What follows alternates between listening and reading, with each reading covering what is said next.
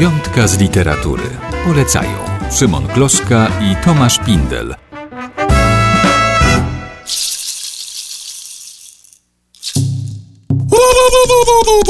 Tak brzmi takie. polski Indianin Szymon Winetu Kloska.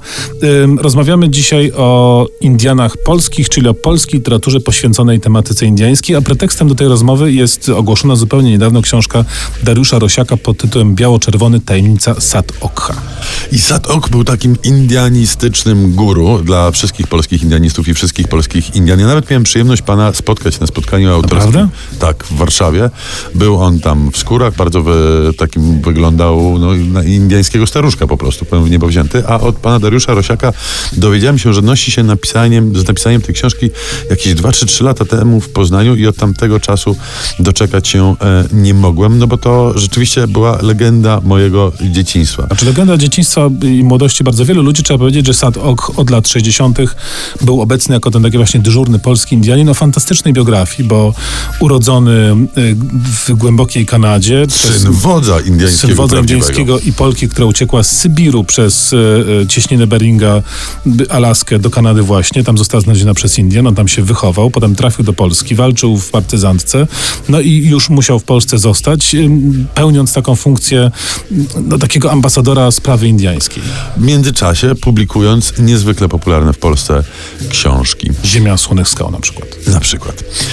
E, I okazuje się, i okazuje się z książki Dariusza Rosiaka, że co? Że co? Że to wszystko nie wiadomo, czy jest prawdą.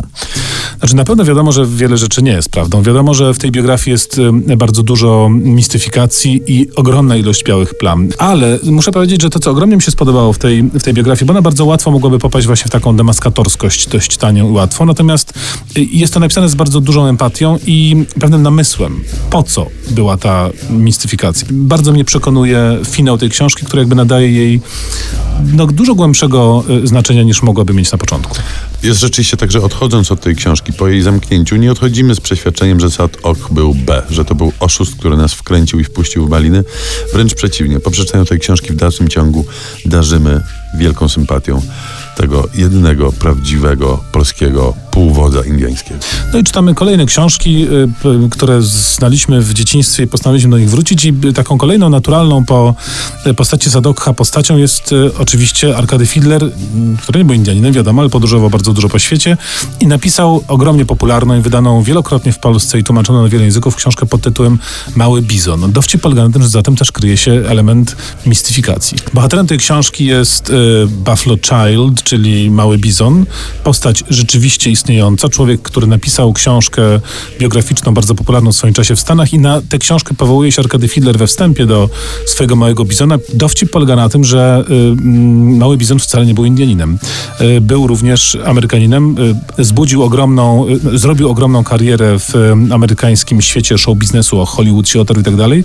No tylko potem, kiedy wyszła ta sprawa na jaw, y, oczywiście jego popularność spadła na łeb i szyję, ale my po polsku mamy taką kanoniczną, klasyczną opowieść o pięknym świecie, wyidealizowanym świecie Indian, która jakkolwiek zrodziła się z mistyfikacji, y, jest y, kawałem dobrej, y, przygodowej powieści dla młodzieży. Zdania, proszę Państwa, zostają podzielone.